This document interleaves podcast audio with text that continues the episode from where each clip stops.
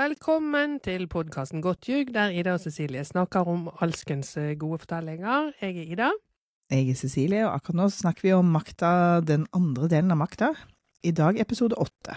Ja, Til kamp, det gjør vi. Kamerater. Før vi til begynner kamp, kamerater. Til kamp. Til kamp, Til kamerater. kamp, Det skal vi snakke mye om. Ja, det skal vi snakke mye om. Til kamp. Kamerater. Eh, eh, Før vi fortsetter videre, kan du bare sjekke at internettet ditt er på det rette internettet, ikke det feile? Eh, Jeg er på feil.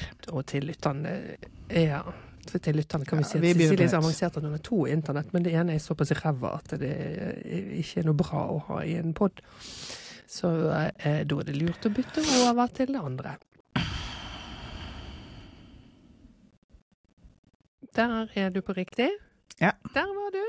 Hei, Ja. skal vi begynne på nytt? Jeg har bare eller? tørrpratet i mellomtida, jeg, hvis du var borte. Nei da, jeg har tørrpratet Din litt. bergenser. Ok, greit. Ja, Det fint, går fint. Jeg gidder ikke begynne på nytt. og Nei klippe og holde på. nei. Nei. Ja, vi altså Makta episode åtte Ja, til kamp. Kamerater.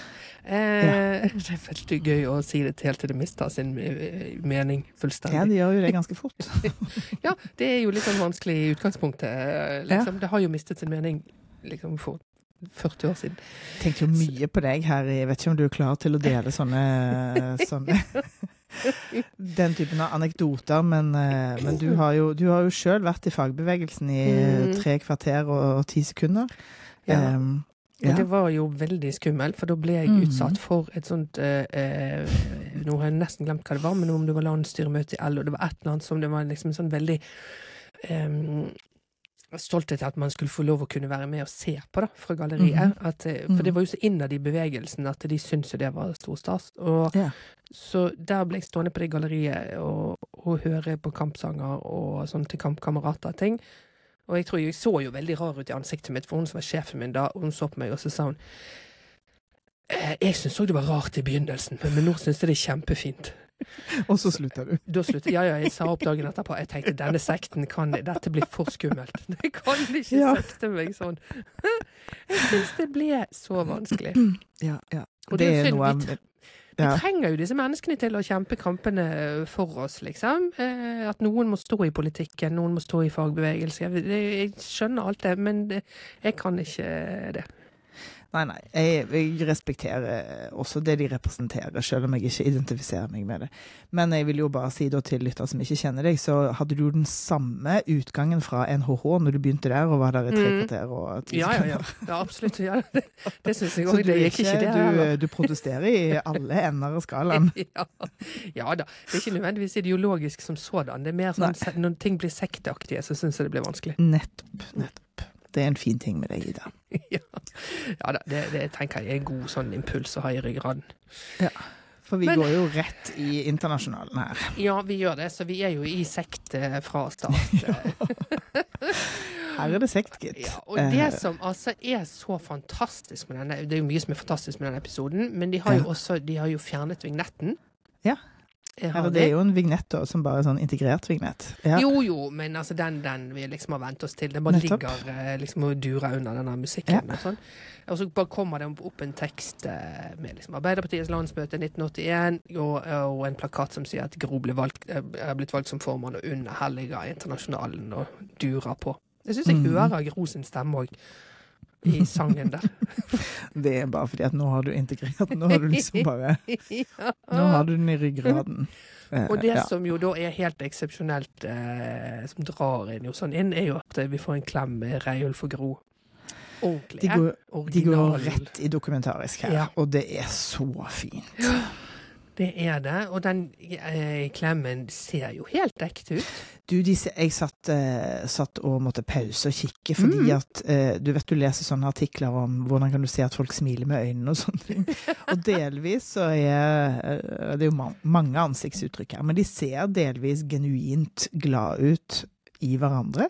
Ja. Og så hjelper det jo veldig at den faktiske Reilf Steen har sånne dype, dype smilerynker, som jo Mm. egentlig bare er liksom Altså, det ser ut som han smiler hele tiden. Mm.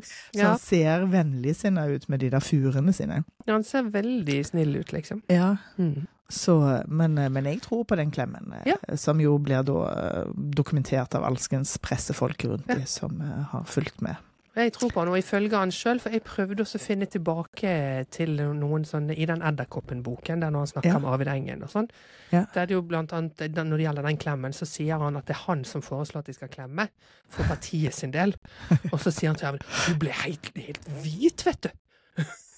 At, at hun ikke ville klemme. Ja. Um, men han er jo ikke helt sannhetsvitne til egen oppførsel, så det vet vi ikke helt. Han er en upålitelig eh, forteller, sjøl i, eh, selv i eh, dokumentariske opptak. Nei, så det, men den ser veldig ekte ut, den klemmen. Og Ja, det, det er gjør liksom, ja, det, det ser jo ut som en sånn Ja, det er en formann gir over til en annen, dette er naturlig. Nå er jo vi så langt inne i den fortellingen at vi aner jo at sånn kan det jo det ikke være. Mm. Men eh, på, sånn på TV, så må jo det Altså for de fleste vanlige seere og velgere, så, så vet jeg ikke hvor mye disse konfliktene den gangen, liksom. Nei, det er vel sånn ymse kommentatorartikler som man jo da blir glad for fins. Ja. Som forteller en annen historie, da. Mm. Under, eh, med andre kilder. Parallelt. Og det har, det jo, det har jo skjedd her, det skjønner vi jo. At det er en pågående diskusjon i, i pressen, så klart. Men jeg Mm. vil virkelig si at denne som du sier, vignetten er jo borte, så det der med novellefilmer som vi, som vi Mm. begge to hadde lest, det er jo dette et godt eksempel på. Mm. Og der det i forrige episode handla om liksom idealismens plass i politikken, så handler det jo nå om kynismens plass Mm. i retorikken, og retorikkens plass i politikken. Fordi vi får jo her en gnistrende forestilling fra Einar Førde Ja. i Nada Kamedis eh, fortolkning som eh, akademisk fortolkning som, eh, som er bare helt fantastisk. Det, dette er hans episode. Dette ja, det er absolutt det. Det her får Ja. Førde skinne, altså. Det er, og han er så god. Ja. Så helt eh, ja, nei, Han er helt briljant fra start til slutt, og han driver, og han er, både, han er så sjukt vittig òg, med alt han gjør. Eh, og hvordan han maktkamper seg inn i dette her med sånn tøysete, falske LO-legg og det, det er altså så mye gøy.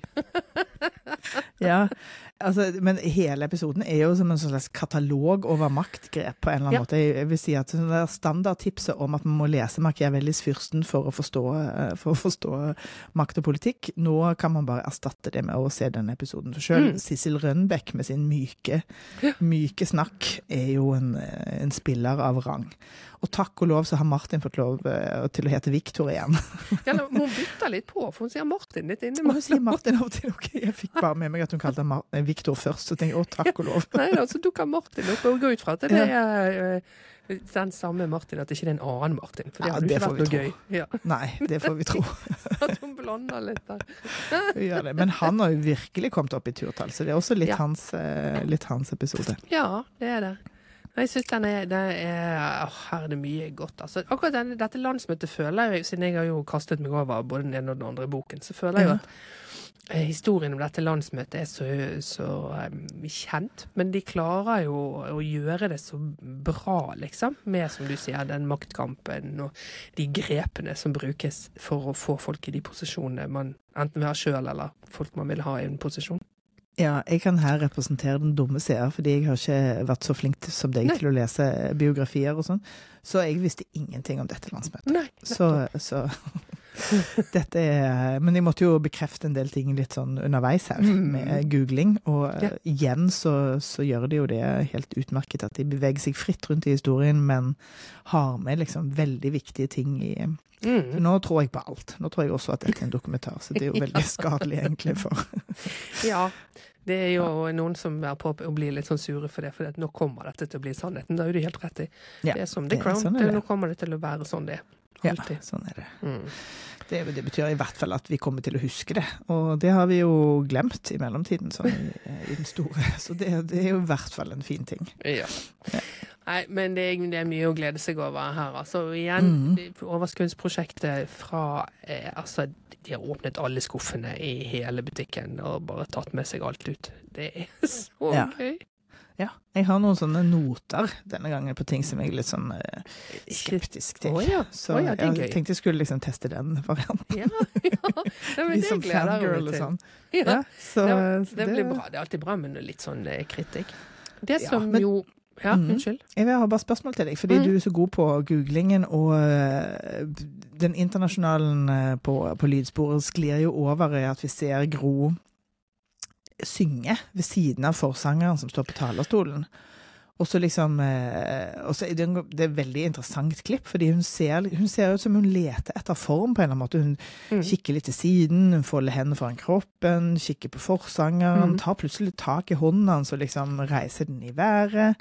Eh, og det tenker jeg får, får økt betydning seinere i episoden. Men hvem er han forsangeren? Nei, vet har, jeg vet ikke, jeg lurte òg veldig på det. Ja, For dette er jo i, i det originalklippet med ekte Gro. ja, nettopp. Eh, ja, nei, jeg, jeg lurte på det, men jeg visste ikke hvordan jeg skulle håndtere og finne sånn Nei, det er vanskelig. Shazam. Shazam, ja. Eller må inn i Brønnøysundregisteret og lese liksom gamle, gamle referat fra Nei, nei jeg ga også opp på Jeg vet ikke, altså. men det var, jeg syns også det var et interessant move eh, Mm. hun gjorde der. mm, Mm. det, det gir mening. Det gir ekstra mening når man ser episoden for andre gang, så det kan vi jo anbefale folk å gjøre. ja. Ja. Jeg kan gjerne si den en tredje gang òg. Det jeg syns Ja. var, var gøy her, for dette landsmøtet her er jo eh, berømmelig nok eh, på Hamar.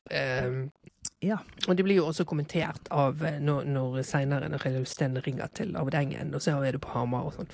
Ja. Em, men de er jo plassert på, på Sørmarka, som er dette Ja. konferansesenteret til De. Ja. arbeiderbevegelsen, og som de liksom eh, ikke legger noe skjul på altså, i det hele tatt. Nei, nei, liksom det ser du. Rett inn på logo og alt sammen. Så, som jeg syns egentlig var ganske gøy.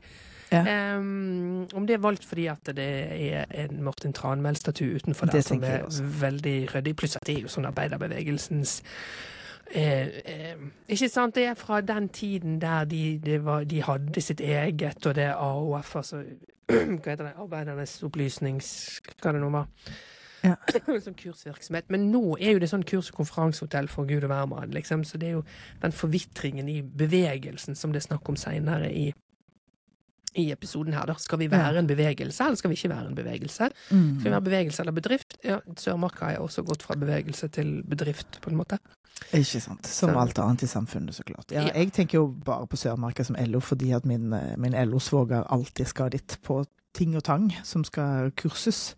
Sant? Eh, men, men du har helt rett i det, så klart. Men jeg tenker at det er Tranmæl-statuen som har gjort det, pluss at så klart, når det står Sørmarka, så tenker jo alle eh, mennesker som også ikke er i arbeiderbevegelsen, at det, at det handler om Arbeiderpartiet. Og det hadde vel ingen verdi at det var på Hamar, liksom. Sånn. Det var ikke noe spesielt hamarsk som skjedde på det landsmøtet, som gjorde at de måtte være der. Nei, og Tranmæl her spiller jo en eh, Kommer jo dukke opp både her og der i episoden, Mm. eh, med referanser til, eh, til Jeg måtte jo også google han, så klart, fordi at jeg alltid har blanda Markus Trane og Martin Tranmæl, fordi det ble for mye for meg med disse to navnene som er så like. Um, og, i Drammen så vandrer jeg jo forbi statuen av eh, Markus Tranmæl Nei, unnskyld, Markus Trane, hører du? Eh, hver, hver dag når jeg gikk til jobb, fordi at det viser seg at hans første opprør, det skjedde da på, på Strømsø torg i, i Drammen. Så det Ja. er liksom en eh, et minnesmerke der. Eh, men dette er jo Martin Tranmæl, som jeg da måtte lese litt om. Eh, og som òg var Altså, han var jo sentral kjempelenge, men òg i det, de hendelsene i 1923, når kommunistene eh, splitta ut og danna NKP, eh, mm. som jo òg Gerhardsen eh, refererer til. Så, så jeg tenker jo at Tranmæl-statuen er viktig her. Ja. Ja, ja, ja. Annet enn at han vifter fint med hånden som inspirasjon til Gro. ja.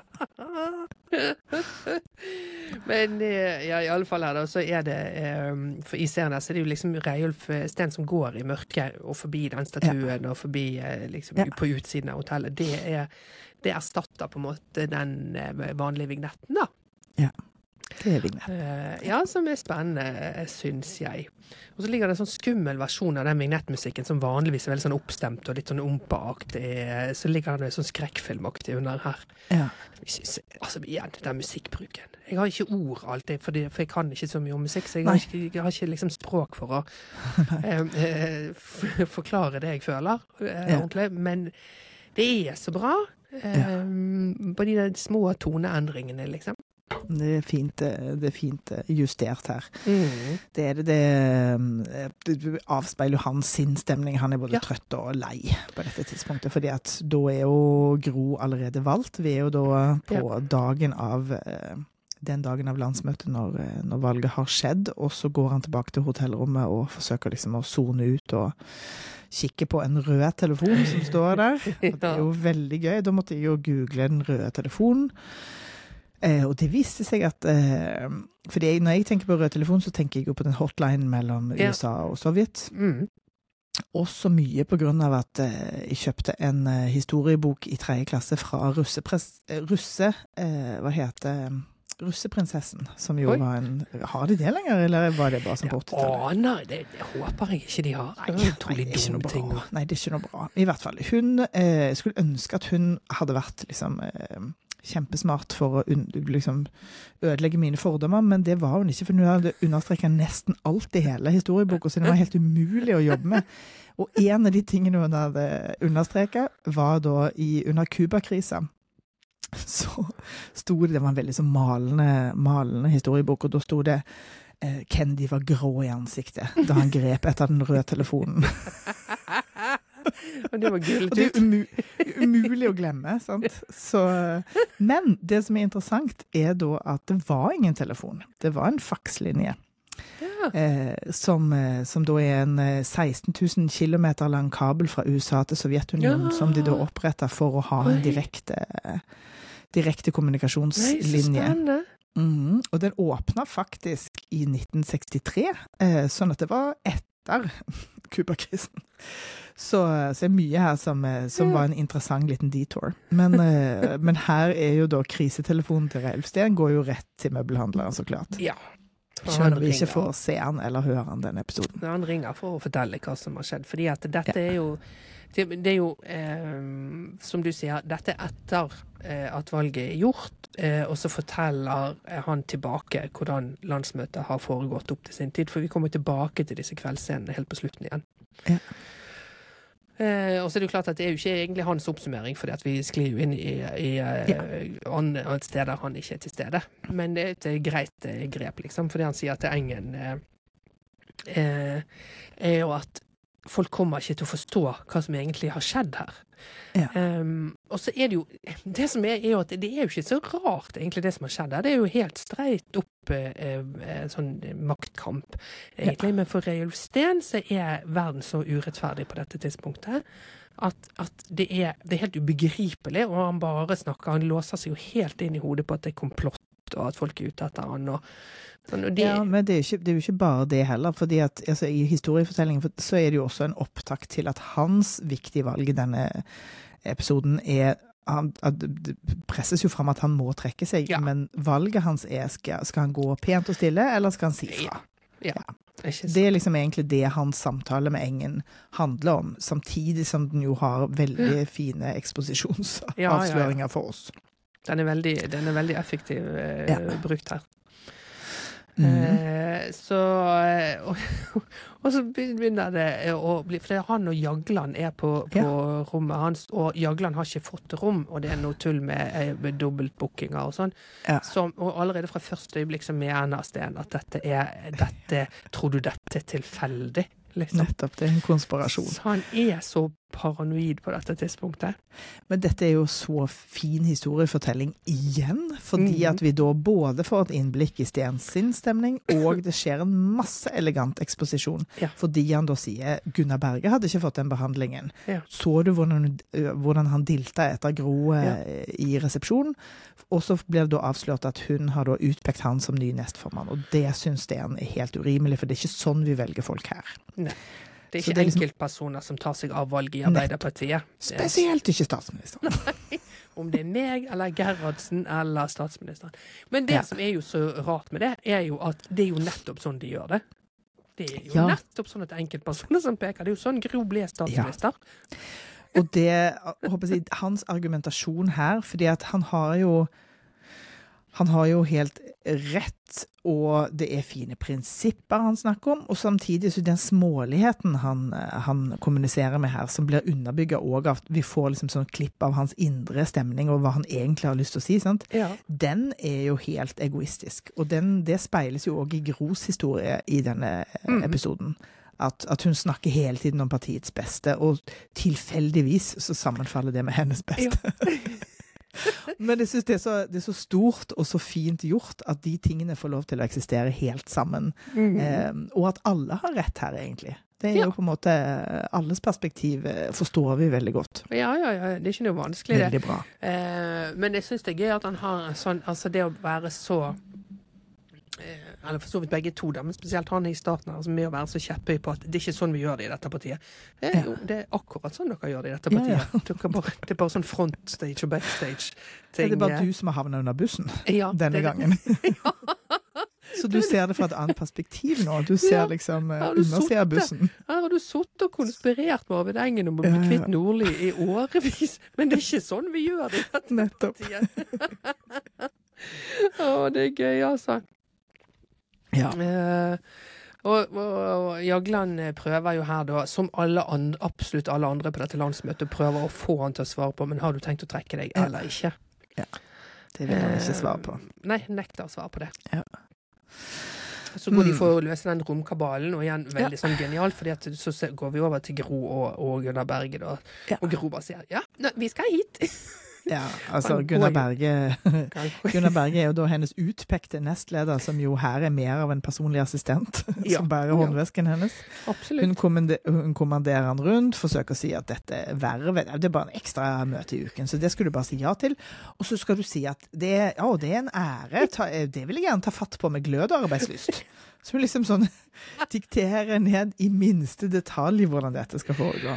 Og så, og så blir han sendt for å finne strykejern. Eh, Ja. Og så blir det jo helt sånn slapstick, for det viser seg at det ligger under sengen, både strykebrett og strykejernet, så han må legge seg samtidig som en sånn Gunnar, vet du, LO liker Gunnar, Gunnar, Gunnar fra gulvet, mens Ja. han ligger på gulvet og, og knoter med dette strykebrettet, som man jo heller ikke får satt opp. Strykebrett er helt jævlig. Helt, de er som sånn strandstoler, eh, med å få liksom satt de opp. Så han begynner jo også kløende med å få det til eh, det lo jeg veldig godt av. Men mest Ja. fordi at jeg sjøl òg hater strykebrett.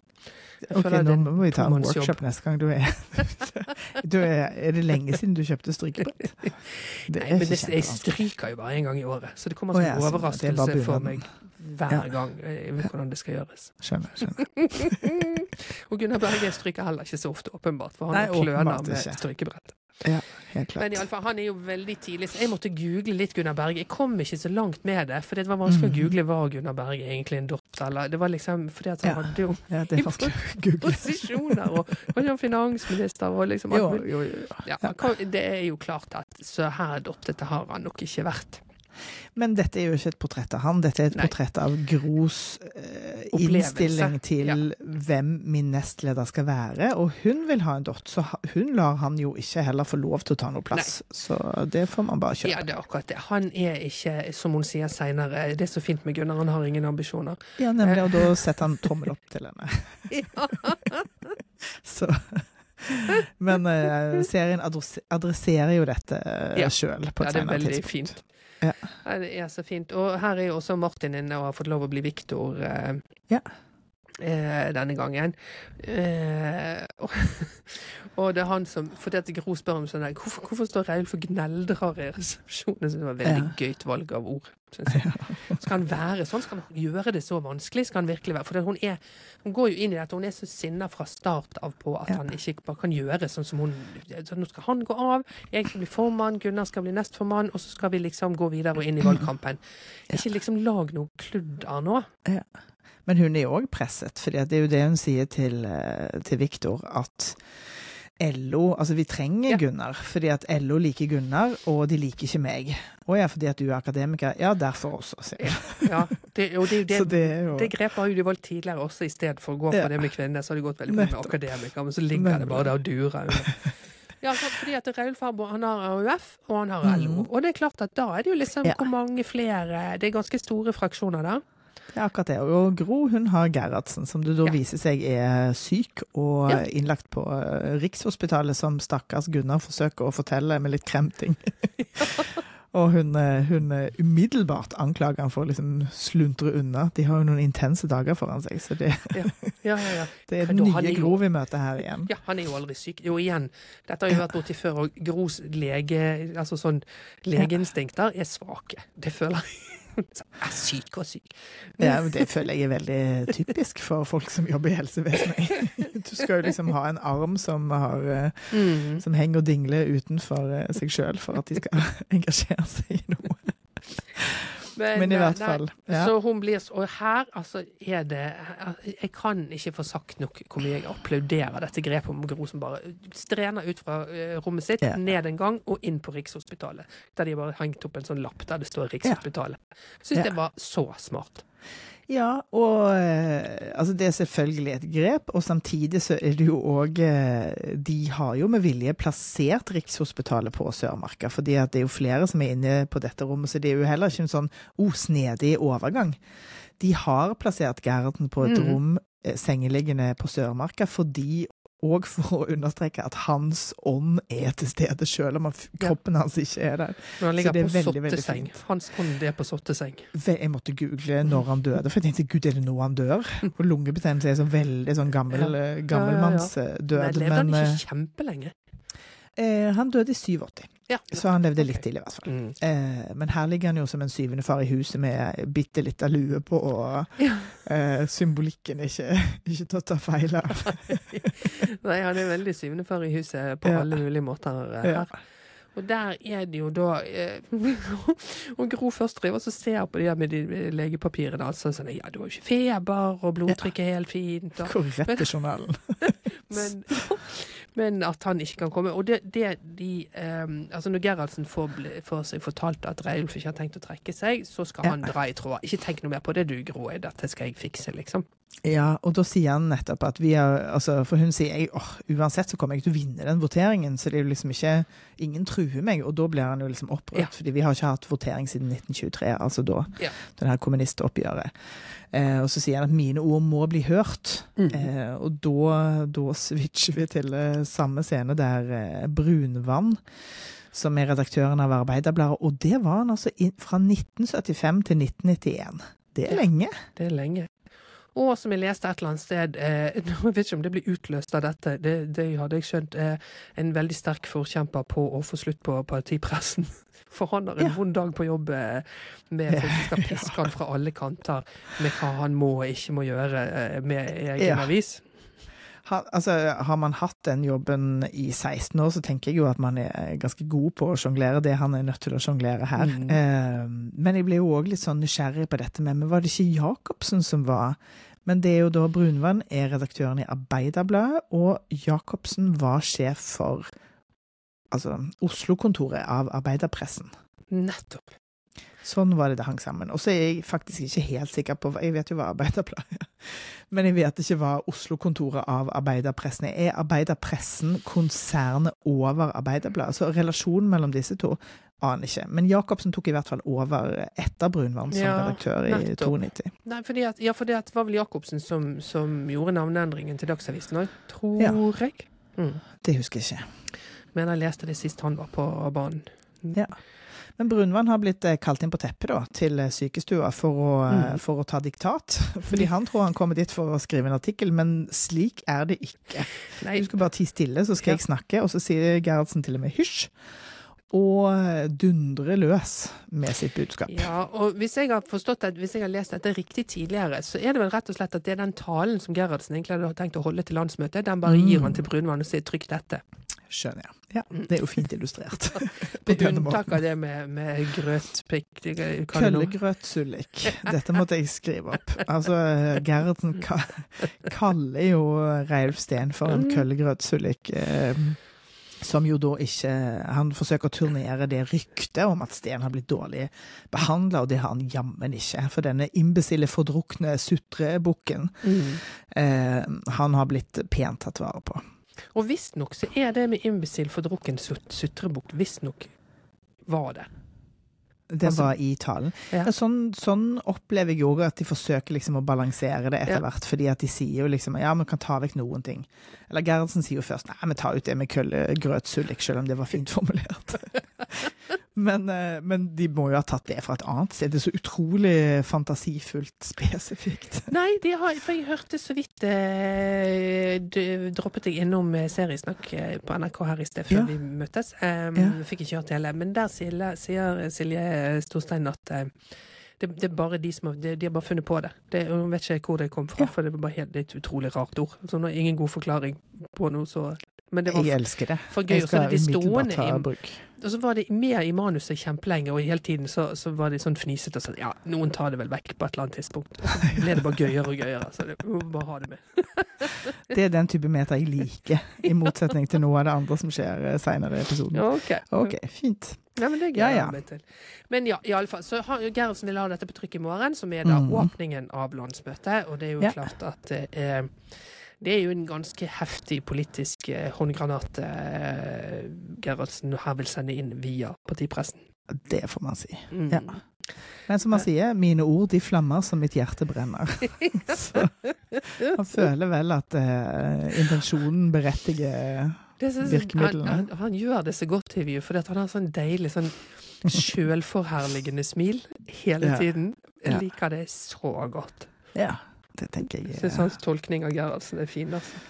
Ja, den eh, tror jeg er presis. Nei, og da er vi tilbake igjen, eh, for da er vi tilbake igjen på, på eh, Sørmarka, der, der eh, Sten eh, fortsatt jo har denne samtalen som han har gående nesten hele tiden med Engen. Ja. Eh, at eh, jeg kan ikke bare annonsere at jeg trekker meg hvis jeg gjør det, for folk lukter blod her. Ikke mm. bare kjerringer, eller Ja. hu, eller hva det er nå han sier for noe. For, og så kutter vi til Førde, for Førde er på har en agenda. Og av Ja. en eller annen grunn så har Brunvann med seg et LO-medlemskort. Ja, han kommer jo fra Folkets hus, fordi de sitter jo, redaksjonen sitter jo samme sted. Ja, ja, men han kan vel ikke bare ta et medlemskort? Det vi, Det har han gjort. det har han gjort for Førde. Og dette er jo, da blir det en sånn gag gjennom hele at han egentlig har skrytt litt av å ikke være LO-medlem, men han innser Ja. nå at hvis han skal bli nestformann, så må jo han være LO-medlem. Så ikke bare har han fått stjålet et medlemskort uten å ha betalt kontingent, men han går med det rundt halsen i sånn Ja, ja, i sånn lanyard. hele, hele tiden. Og det er jo flere som påpeker Det er jo ingen som går rundt med det. Ja, ja, ja.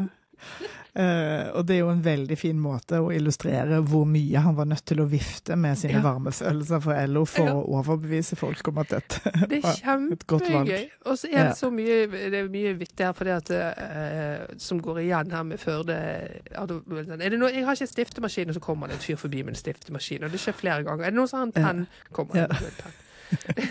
jeg syns det er gøy. Ja. Men jeg syns det var vittig at Brunvann hadde bare et- et- rappet et medlemskort til, til han. Ja, og han skjønner jo fint hva som foregår i Brunvann. Så, eh, så Mm. de, eh, de er vel allierte på sitt vis, da. Ja? Han, prøver, han prøver jo litt sånn å være grei med alle, virker det som. Han blir jo. Reiulf en fair sjanse, og liksom Ja, han er jo i den eh, veldig vanskelige situasjonen av å Ja. både skal være et partiorgan og samtidig en Ja. Det er ikke en lett jobb. Nei, altså at de prøvde seg på det så lenge. Altså, det, Ja. det blir jo ingen fri presse på den måten. Nei, dette Men at de tenkte at det, det ble det, det er så utrolig rart, altså. Men okay. Ja, men det var vel det at tanken om den frie presse ble født av en tanke om at hvis alle stemmer i samfunnet hadde en presse, så ble totalen fri. Så, så det er jo en fin logikk bak det, men eh, sånn som vi tenker på en fri presse i dag, så er det vanskelig å liksom leve seg inn i hvordan det faktisk var på den tiden. Ja, det er det.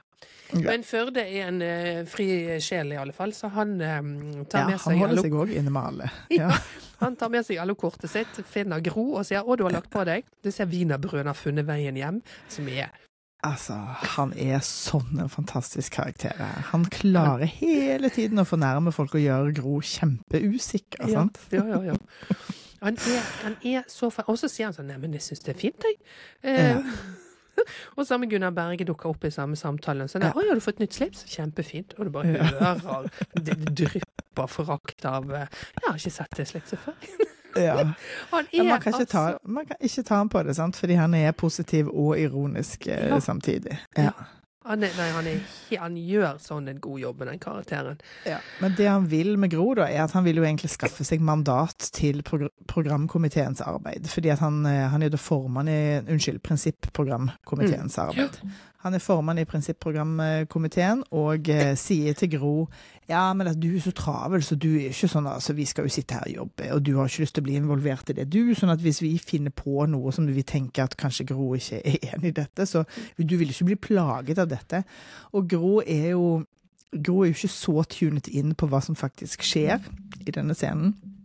Så hun sier nei, nei, jeg er jo kjempetravel, jeg, så Sånn at det er liksom bare eh, hun, hun har antennene uten, ute på helt andre dimensjoner av den samtalen. For når han sier 'ja, hvor er rommet til Rønbeck?' fordi at det er liksom neste steg i planen hans, så blir hun sånn 'du skal ikke inn på rommet til Rønbeck', og så tror hun at på en eller annen måte at det er det det handler om. Mm. Eh, og det tenker jeg òg er fint, fordi at det er jo Hvis du da er Hvis du er opptatt av én ett perspektiv, da, så kan du gå glipp av masse annet som foregår. Sant? Mm. Så, så det er jo òg en eh, Kanskje en dimensjon av, eh, av Ja. karakteren hennes her.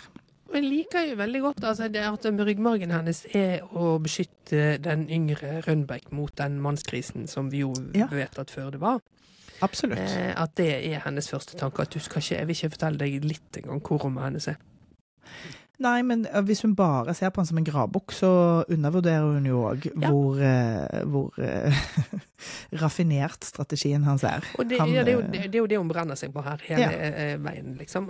Fordi at han er det òg, men han er ikke bare det. Nettopp. Som Rønbeck jo ser. Ja. Eh, mye mer enn det Gro gjør.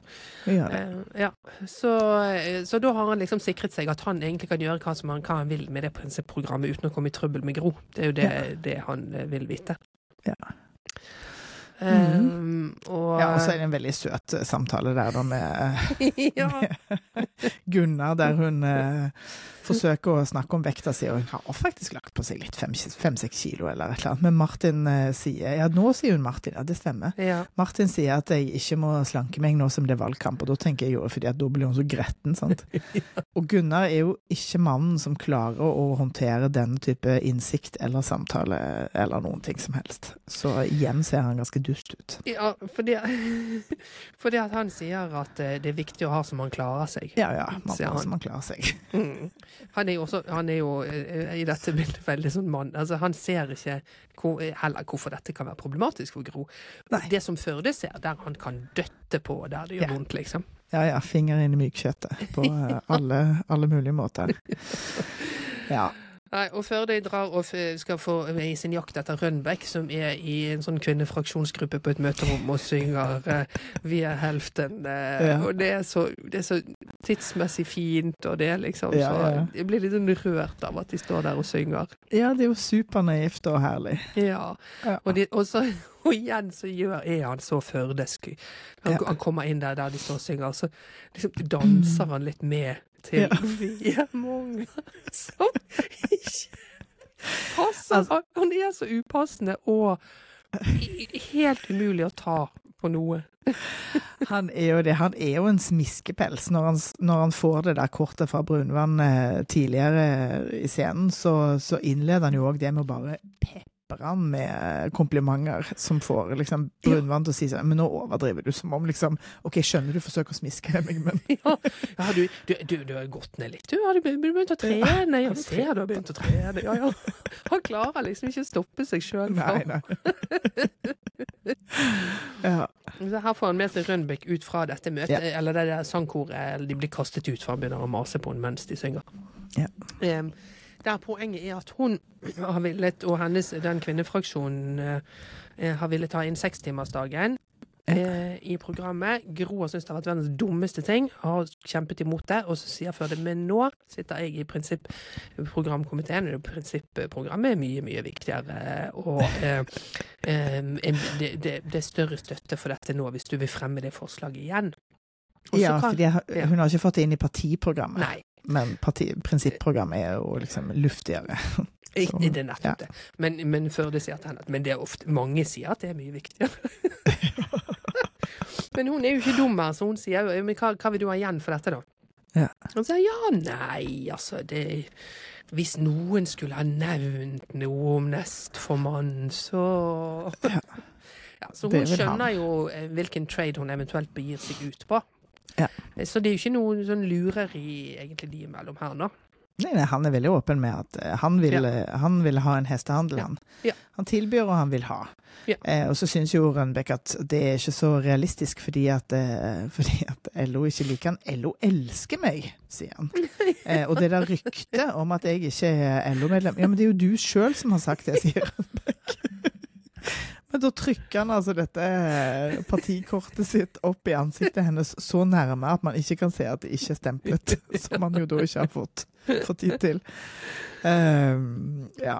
Og så Mm. avslutter han med å si halvparten av menneskene i staden skal faen ikke jobbe mer enn seks timer om dagen. Ta med deg den, den er fiffig. Ja, den syns jeg var fiffig. Jeg likte den kjempegodt. Altså, han er jo en eh, Her kom vi jo inn på liksom eh, Førdes eh, way with words. Ja. Ad omveier, for dette er jo ikke Førde- Førde-karakteren som vi kjenner han, men, eh, men her utnytter de jo eh, hans karakter til å fortelle noe annet, og eh, Ja. det er bare veldig, veldig gøy. Det er kjempegøy. Og, Ja. og hvis vi ikke vi hadde skjønt ut av den samtalen, så sier nå Reiulf Steen til Ja. Engen at eh, ja, det, det, det med Førde Du vet i hvert fall hvor du har han. Liksom. Han legger ikke skjul på hva han vil. Så da har vi fått det eh, forklart. Og så sier han videre til Engen der at jeg ble oppsøkt av Gros lakei i, i Arbeiderbladet, eh, Ja. som har gjort et intervju med Gerhardsen.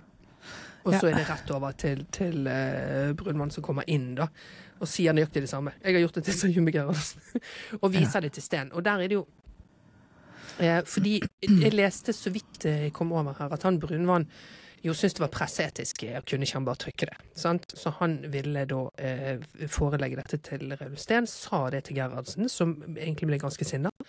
At det har du ikke noe med å gjøre, du skal bare trykke det jeg har sitert. Men Brunmann har jo ryggrad her, så han går og vi og vel, Fordi dette er jo omtalt som eh, hva de kaller det, norgeshistoriens mest omtalte ikke-publiserte intervju. Ja. Ikke sant? Fordi Brunvann bruker jo det også jeg trenger, ikke, jeg, jeg trenger ikke at du blir kalt disse ordene av Gerhardsen i avisen hvis du sier at du skal trekke deg, så behøver ikke du dras ned i sølen av landsfaderen. ja, altså han, her er han jo bare en håndlanger for bossen, liksom. Ja, men Han kommer jo med han, altså han spiller sin rolle som passiv brikke helt til perfeksjon. Han, Ja, han gjør det jo med en intensjon om å forsøke liksom å, å rydde opp, eh, men nettopp derfor spiller han den rollen. Mm. Men jeg tenker at det er jo, det er jo både eh, Da blir det som Gerhardsen og Gro vil, det er jo det ene. Men det andre er at han kunne ha trykket det, ikke sant? Og bare latt det stå til. Men eh, at han gir Sten den det andre valget. For det går må han jo uansett. Det er jo bare Sten som tror at det ennå er en vei ut her. Ja, men Eh, At Brunvann har latt seg sette i denne posisjonen, gjør jo at det blir sånn uansett. Fordi trykker han det, så blir det som Gerhardsen vil. Hvis han uh, truer Sten til å trekke seg, Ja. så blir det som Gerhardsen mm, ja, ja, ja. ja. Sånn at i, i, denne, i denne fremstillingen så er det i hvert fall så er han en passiv brikke. Ja. Eh, men ja, ja, han, altså, han argumenterer jo med at ja, men her sies det så, så voldsomme ting at nå, liksom, nå blir imøtes, imøtegåelsesretten blir aktivert. Så pressemannen i han liksom eh, får han til å opptre på en måte som, som gjør at Gerhardsen uansett får det som han vil. Så det er jo nydelig. Og det er så, og stakkars Reulsten. Og han er jo, altså, det er jo så fantastisk spilt, for han mister liksom ansiktet sitt så Ja. veldig når han leser det. Det er liksom hele det, Jorden forsvinner under han eh, å lese Ja. hva, Kar Gerhardsen sier om han. Men det er jo Ja, nettopp. Og igjen så bruker de jo dette grepet med liksom hans indre reaksjoner Ja. som, eh, som voldsomme Voldsommere enn det han eh, sier. Men eh, her er det jo, som han eh, òg sier sjøl, dette er jo trusler. Ja. Sånn er det. Ja. Eh, og så truer jo Reiulf igjen med at hvis, hvis dette er spillet, så kommer jeg til å gå på talerstolen og ikke bare Mm. trekke meg, men jeg kommer til å si all dritten. Alt.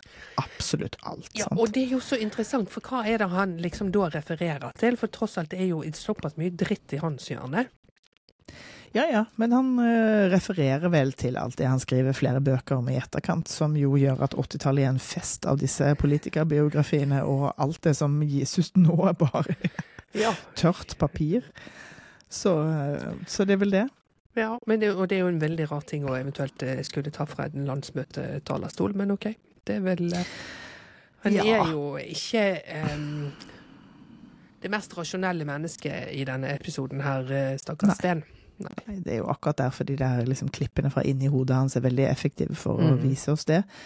Eh, men vi har jo fått den påminnelsen av Gerhardsen nylig, at det er viktig for denne bevegelsen å fremstå er, liksom, som om de er forent. Sant? Sånn at det er Ja. potent at noen sier at vi ikke er enige. Og det, er, det satt jeg og tenkte på, at jeg syn, det syns jeg er så rart. Ja, hvis, altså, Han henviser jo til 23, når Mm. partiet fysisk ble splitta. Eh, Ja, liksom, ja. Så det er jo ikke med den historikken og det selvbildet, så, så skjønner man det jo, liksom. Men Men det er jo Om vi skjønner 23, liksom, og vi er 81 her. Man kunne jo tenkt at det er er ancient history. At, at det at de er så redd for en sånn åpen eh, eh, personkonflikt i et parti som alltid, alltid, alltid har personkonflikter, som alltid lekker ut, og vi vet om de likevel.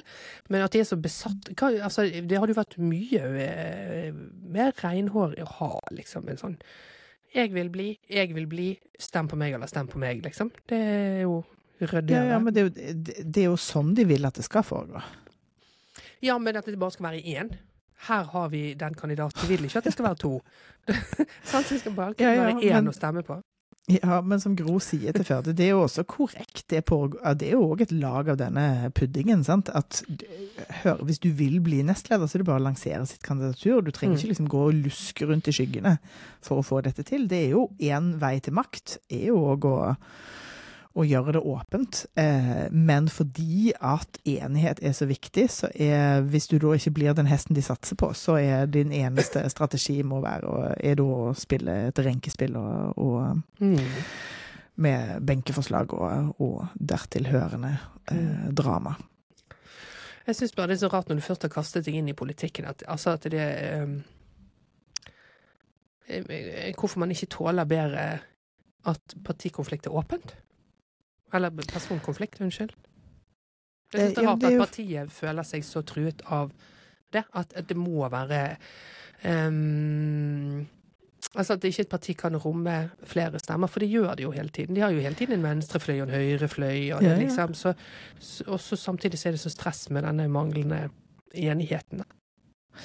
Ja, men tror du ikke det er litt sånn omforent-aktig, som vi snakket om forrige gang? At det er på en eller annen måte Vi er Altså Arbeiderpartiets selvbilde som det breie partiet som samtidig er ekstremt handlekraftig, det er jo en iboende motsetning, sant? Mm. Sånn er det jo. Eh, derfor Derfor kommer jo sånne begrep som omforent, sånn at man kan gå videre uten at alle er enige.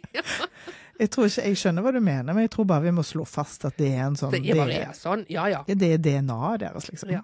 Ja da, jeg skjønner at det er det. Jeg bare syns det er så rart at det er det nå, men jeg god, jeg godkjenner det. Ja, vi er jo ikke i politikken, noen av oss, så dette Nei. er vi jo helt uh, Vi er jo forskånet fra dette. Ja, det er vi. Stakkars Brunvann her kommer jo da ut etter eh, dette her møtet med Sten eh, der, eh, som ikke gikk så bra, og løper rett på Gro, eh, som, Ja. som jo heller ikke er happy. For hun vil jo ha det trykket i morgen, og hun prøver jo også å trykke på med sånne Ja. eh, altså, det er jo ingen av de som har noen Nei, gode ryggmargsreflekser på ulike roller her.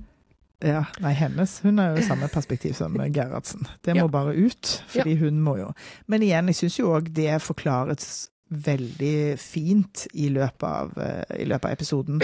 Fordi at hun er jo, eh, hun er jo pressa på sin måte, sant. Mm. Og, og hele del én av makta har jo vist oss hvorfor hun er pressa. Ja. Det, det maktapparatet hun kjemper mot. Så, så det skjønner jeg godt.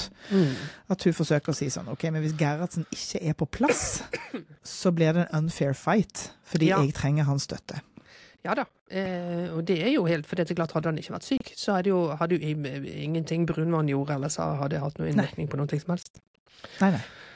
Og så, og så får vi CIA inn på banen igjen, som jeg jo klappet høylytt på, for det hadde jeg glemt at de var en, sånn, en del av dette. Fordi han sier at Engen at CIA blir glad over at jeg ikke blir eh, at, at jeg blir skviset ut. Ja. Så kan man jo lure på om CIA bruker mye krefter på å tenke på det. Nei, det er jo, han er jo, det er jo en paranoid mann som snakker her. Jeg elsker det at når han har akkurat denne samtalen, så tar han da med seg den røde Ja. telefonen ut i gangen som en mobiltelefon, og vandrer rundt med den med sånn kjempelang telefonledning. Ja. Det er veldig gøy. og så snurrer seg liksom nedover teppegulvet i Ja. korridorene. Ja. Og sier jeg har åpenbart ikke noe imot Førde, da, ifølge eh, Sten. Så da, han er jo en eh, pragmatiker, sier Ja. Han bare tøffer seg med venstreorienterte tanker. Men han og Gro har jo fått strøke dette med at eh, sosialismen ikke lenger er et mål for eh, Eller de har fått strøke at sosialismen er et mål for Arbeiderpartiet. Og her må jeg altså applaudere det vi kommer til her nå. Altså denne frontbruken her er helt genial. Rett og slett. Fordi at eh, eh, Fordi når eh, eh, Sten sier dette her til Engen, Ja. så klipper vi rett i Førde, som ser rett i kameraet og sier ja ja, det stemmer jo det, vi har gjort det, liksom. Ja. Vi endret fra Arbeiderpartiets mål er et sosialistisk samfunn, til sosialisme er ikke et mål, men en prosess. ja. Og eh, eh, Arbeiderpartiets mål er en sos et sosialis- sosialistisk samfunn. Er i sånne røde, store uh, bokstaver. Og så er Ja. dette med sosialisme er ikke et mål, men en prosess i sånne myke, runde Og det kommer er sånne hjerter rundt prosess og sånn. Og det er luse farger, og det er sånn idiot uh, Fordi at det betyr jo ingenting heller. Så det, jeg syns det er så veldig, veldig viktig at det går igjen i fonten. Det er en innsmigrende setning, Ja. uh, så du har helt rett. Pluss at det er jo litt sånn det er jo litt sånn New Public Management-språk, sant? med prosess Ja. og eh, sant? Nei, nå skal ikke vi være sånn. Ja, åh, gud. Det er Ja. altså så irriterende. Så det tenkte jeg var sånn deilig sånn stikk til eh, å bare påpeke dumskapen i den type språk. Ja, det, det er det. det. Det er helt åpenbart, og det, det, må man bare, det må man bare konkludere med. Samtidig som hva fader skal du gjøre, liksom? Fordi det er jo fint nok å Altså, jeg, nå kommer jo talen til Førde, da. Om dette. om hvorfor de har gjort dette, og jeg er bare 100% på side med dette. fordi det er bare sånn Du kan jo heller ikke Du kan jo heller ikke slutte å, å revidere ting. Du kan liksom ikke nei.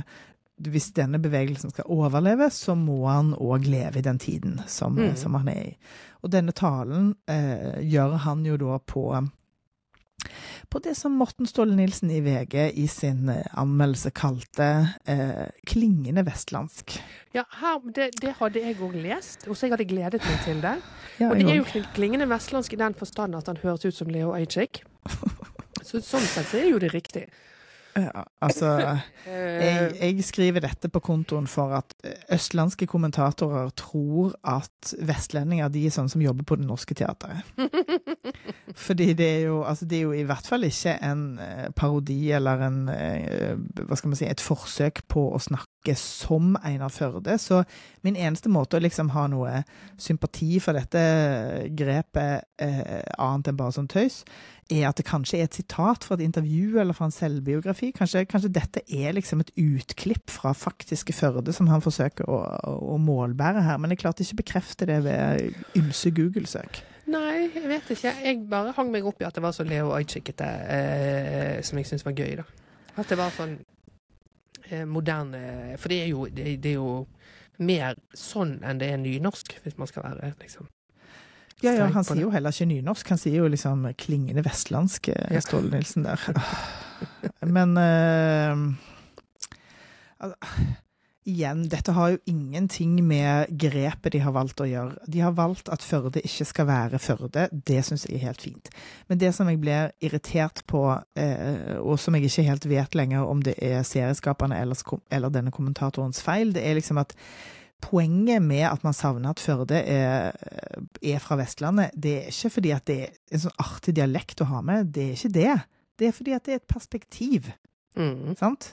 Mm. Eh, og da blir jeg litt sånn full av østlandsforakt. Og eh, det er fint nok at de har tatt disse grepene fordi at her er det noe annet som skal fortelles, men at kommentatorer ikke skjønner Jeg måtte til og med eh, google hvor han eh, er født, den, eh, denne haldenseren som uttalte seg her.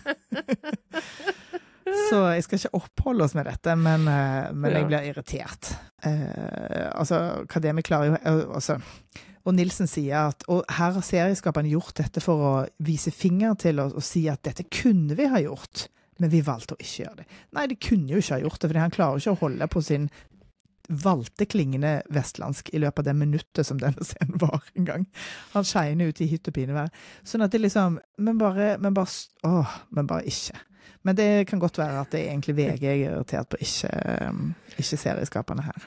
Ja, det tenker jeg at det er, at det er den ryggmargsrefleksen på, på østlendinger som, eh, Mm. tenker jeg, da. Mer enn det på serien. Ja, Um, Og enda en ting med dette Mm, ja. er at i denne episoden så ser vi jo fordelen med det de har gjort, eh, med å si at vet du hva, her spiller vi Førde som en sånn slikk eh, Oslo-gutt. Eh, fordi at her utnytter de jo eh, han som en sånn slags eh, opportunist og en mann som har ordet i sin makt, og som er på en måte det retoriske beinet i, i Gros eh, siste tale. Eh, og da hører jo det fint sammen med den type sånn eh, reklamespråk som han her liksom representerer. Mm. Den dialekten høres fint sammen med det, og da kunne de bare holdt på det. Så hvorfor de skeiner ut i denne her klingende vestlandske? Nei, dette, dette irriterte meg. Eh, så jeg, det eneste jeg kan gjøre, er å bare si sånn OK, de bare tuller og tøyser litt. Fint, Ja. nå beveger vi oss videre. Ja, Det kan vi gjøre. Eh, for nå er de ferdig med å holde denne talen sin eh, med at de slet så mye med, med høyrebølgen høyre og måtte liksom gjøre noen grep, Ja.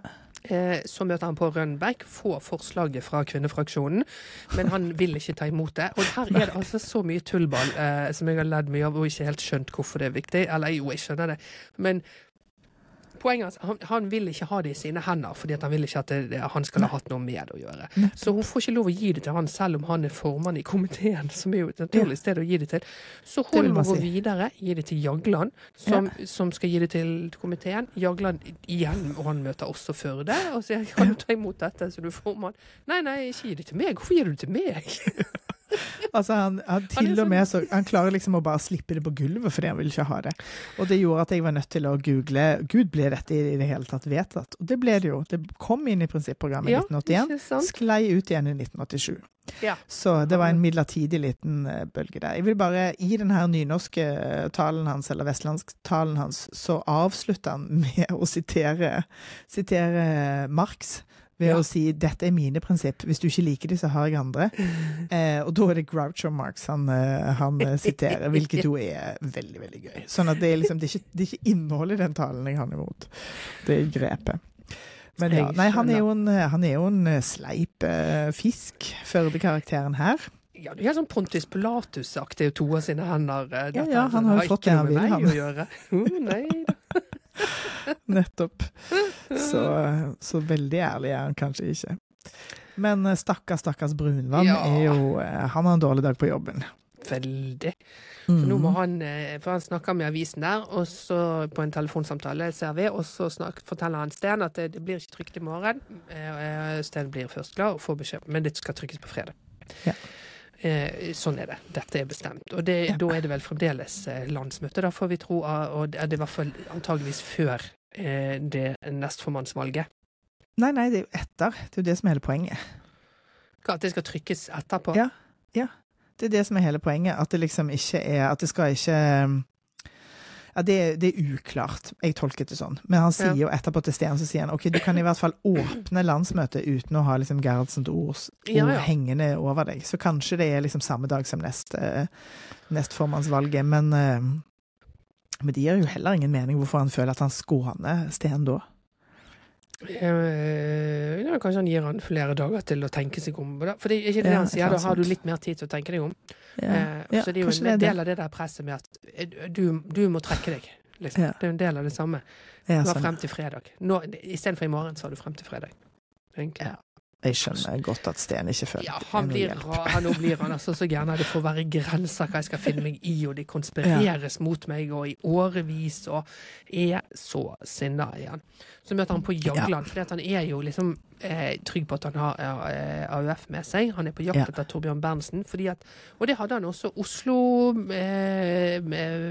av Arbeiderpartiet, de var også eh, veldig for Eilif Ulstein. Ja. Så det hadde han også, altså LO, AUF og Oslo-benken. Så han er på jakt etter Torbjørn eh, eh, Berntsen som leder den. Eh, for de skal liksom sette hardt mot hardt og gjøre opprør her, liksom. Og dette, det er så vond den samtalen, fordi når han da går videre i sin jakt der, så snakker Rønbeck og Jagland sammen, og Jagland sier det, han, han, han klarer ikke innse at han er, han er ferdig. Han, Ja. han takler det ikke så godt. Nei. Så han har, de, de, de, AUF har forlatt han, men det har ikke han fått med seg. Nei, og det er de jo helt enige om her, men eh, Mm. Rønbeck uttrykker jo òg litt sånn bekymring om han kanskje er, er han, sier hun. Og da tenker jeg liksom det er alkoholen du tenker på. liksom, ja. Ja. Nei, det er jo Så- lite fremstilling av han med noe drikke. Det er jo en sånn liten subtil Når han pakker ut av eh, vesken sin, så har han med seg en sånn liten sånn eh, Sånn flyflaske med sprit. ja Lerke. Ja. Ja, sånn, ja. ja. Eh, mm. så, men, men det er jo absolutt eh, ikke noe antydning til den drikkingen her.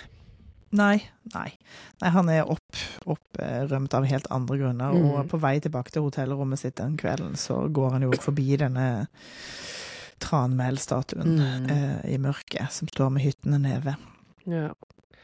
Men alle er sure på Brunvann, for Gro er jo òg rasende. ja. Og hun påstår at partiformannen, altså Sten, forsøker å kneble pressefriheten. Ja. Og det, hun, det liksom, hun trenger jo dette, for hun skal jo samle partiet. Det er jo hennes oppgave, og dette handler jo om at det er til partiets beste. ja, det er det. Og, og, og hun prøver jo også å kjøpslå med Brunmann om at ja, men ta vekk alt han sa om Sten, da. Bare Ja. behold det fine han sa om meg. Ja, det Jeg syns ja. så synd i Brunvann her, og han er bare sånn Jeg bare gjør jobben min, liksom. Kom igjen. Ja. Men her er det jo, eh, som vi snakket om, her er det jo liksom Gro fokuserer jo så mye på sine egne interesser at dette med Førde går helt under radar, radaren på henne. Ja, for Brunvann forteller jo henne det. Altså, du, Ja. Istedenfor å fokusere på dette, skal du, gå rundt og, skal du finne ut om hvorfor Førde går rundt og påstår at han er et stolt LO-medlem. Ja. Eh, og hun er helt sånn eh, i, tåken om dette. Martin Ja, ja. har også fått det med seg at eh, Ja. Førde går rundt og, og roper høyt om LO. Eh, så nå går det liksom opp for henne òg at, at han Ja. vil være eh, nestformann. Ja, at han vil, inn, han vil inn og gjøre og liksom, eh, Han vil inn og kalle henne tjukk og være vanskelig. ja, Det er det hun er liksom for det stressa for. kommer han jo til å gjøre. Ja, ja. Så hun går rett til han og, og konfronterer han med dette. Han sitter Mm. egentlig og drikker med denne kvinnegruppa og forankrer behovet for eh, Førde som nestleder. Eh, og si sånn ja, men jeg hører jeg riktig? Er du liksom eh, Har du lansert ditt kandidatur som nestleder? Mm. Og da går jo han rett inn i den der eh, smusen som hun forsøkte å få Gunnar til å, til å ta. At hæ, og det hadde jo vært en ære. Det, det er en arbeidsoppgave jeg hadde tatt fatt på med både iver og pågangsmot. Ja, han er så gøy. Og etter hvert har vært så, sånn Men tenk på det, da. Meg og deg, meg og deg. Hadde det Ja. vært så ille, da? Og Ja. så vidt jeg klarte å google meg frem til, så gikk det vel egentlig ganske greit med de to. Ja, det ser sånn vi jo allerede i denne episoden. Ikke Ja. sant? At- Med en modernisering av partiet, og at de egentlig drar i samme retning, de to. Eh, åpenbart, og at hun trenger han. Ja. Det er jo det. Hun Ja. er jo ikke, liksom, hun er ikke drevet nok som maktspiller til å skjønne at du har ikke noe bruk for sånne som Gunnar. Du har ikke bruk for en lakei. Du har bruk for noen som gjør deg bedre. Ja, og spesielt når Um, hun Han har jo de egenskapene som hun mangler så veldig, ikke sant? Sånn at det er jo, det er jo helt perfekt. Det er jo, det er jo som dette sitatet som har kommet frem hele tiden, eh, eller siden serien begynte, som er så gøy med at at eh, eh, han måtte alltid dulte henne for å liksom gi et sånt tegn når andre holdt taler om at 'nå kan du le'. Dette, dette er ment å være gøy. For, liksom. Så at han, Han representerer noe annet. han representerer veldig noe annet. Her, det, altså denne scenen her når de er nede i baren der eh, der hun, for dette, det, det, nei, Først er hun snakker med Rønbeck. Ja. Eh, som er jo en interessant interessant samtale. For Rønbeck Ja, sniker seg unna. Hun sitter og drikker i denne gruppen her, og så går Ja. hun Eller det ser ut som hun sniker seg unna, men hun går egentlig bare på do. Og Gro følger bare etter. eh, Så mens Rønbeck tisser, så driver hun og snakker om at eh, eh, At du at ikke du vet jo hva Førde er, liksom. Og ikke, ikke støtt han, og det med seks timer, ikke være så naiv. Eh, Ja. Tror du bryr han seg om det? Og, og Rønbeck er jo litt sånn Ja, men nå har vi alltid fått så mye eh, eh, as om at vi er så idealistiske, så vi prøver å være litt pragmatiske, der. Ja. Men mellom der så er det jo en sånn stikk fra Rønbeck om eh, ville trodd at likestilling var viktig for deg. For Ja. Gro sitt argument er vi kan ikke ha noe sekstimersdag. For er. Hvis jeg hadde jobbet seks timer, så hadde jeg jo aldri vært eh, Norge og Nordens eh, første kvinnelige statsminister. Eh. Ja, det er ikke bare det hun sier. Hun sier jo òg og det har hun helt rett i, at hvis vi innfører en seks timers arbeidsdag, så vil bare kvinner måtte jobbe enda mer hjemme. Det er ikke Ja. den kampen vi skal føre her. Og det syns jeg er veldig fint at de får med. Jeg syns jo heller at seks timers arbeidsdag interesserer meg midt i ræva. Ja. Men, eh, men det er jo en politisk diskusjon. Um, Men det er jo så- fordi at Rønbeck stikker jo litt på den der eh, For det er jo ikke alle som har en Arne Olav, liksom. For er liksom, det er lett for deg å si. Nettopp. Eh, Og sikkert au pair hit og dit, og vaskehjelper og all slags. Mm. Ja. Så, Eh. men, men jeg syns allikevel at det er fint, fordi at det er jo ikke det er ikke dermed gitt at intensjonen og, og virkemidlet henger sammen på det de forsøker på å, å gjøre. Og det har Gro rett i, syns jeg. Ja ja, det er ikke noe gærent med noe noen av de eh, sier. Men Det er jo en maktkamp som foregår her òg, og, og Rønbeck ja. jo, har jo med åpne øyne gått inn i dette. Hun vil ha inn den sekstimersdagen, og får Ja. vi bytte for det. Og Gunnar Berge er, eh, som du sier, dette er ikke en mann vi trenger i denne jobben. Nettopp. Eh, Og så kommer Gro ut, møter Viktor og sier 'det er Sissel som har tisset'. Så, så vi får jo igjen understreket at det, liksom, de, de sosiale antennene er ikke, de er ikke Mm. helt påskrudd. Nei. eh, Og så forteller hun jo òg oss og Viktor hva hun er redd for. Sant? Hun orker Ja. ikke jobbe med, med Førde, og det er så mye krangling i ledelsen. Han kommer til å, han kommer til å ville bli formann og statsminister, og det er så slitsomt. Hun føler seg trua. Ja. Men det er på en måte ikke Det er jo ikke bare det med ambisjonene, det er jo òg at Førde Førde trygger henne ikke, liksom. Han utfordrer henne, sant. Eh, det, også det er jo klart at det er det, eh, en ting at han utfordrer, liksom, og eventuelt ville ha eh, posisjonen hennes, men det er jo det at å være og ha da han som er så beleven og gøyal, mens hun er jo mer sånn Tenk jo Hun sliter med å skrive sine taler, mens han bare ding, ding, ding, ding, ding, og kjempegøy, liksom. Så, så jeg skjønner jo at det er um, Hvorfor hun i utgangspunktet syns det er litt stress. Men det er jo òg en sånn feministisk felle, sant? Ja, det er det. Fordi at det er sånn alt det der kjaset om forbanna sterke kvinner hele tiden. Kvinner er så sterke, og kvinner er så sterke, og kvinner kan, og kvinner kan. Det ligger en felle i det med at kvinner ikke innser at vet du, du trenger ikke kunne alt. Mm. Du kan alliere deg med folk som kan supplere, eh, og så Mm. blir alt, alt bedre på den måten. Det, det tenker jeg òg ligger under det. Det leser jeg inn i det, i hvert fall. Ja, det kan, det, det, men det kan godt hende du har rett til det, altså. Um, mm. Det er i hvert fall en tolkning. Men her står de jo og snakker om stakkars Gunnar mens han sitter rett ved siden av. Og det er så greit med Gunnar, han har jo ingen ambisjoner. Og det er altså så bryter det, og da er det um, Er dette et av de ankepunktene du har? Ja. Det bruddet de går i nå? Ja. Du likte ikke det? Nei. Nei. Jeg har jo hele tiden uh, altså Fordi det som skjer da, er at de liksom de, de, altså Den scenen fremstiller jo Gunnar som en tufs.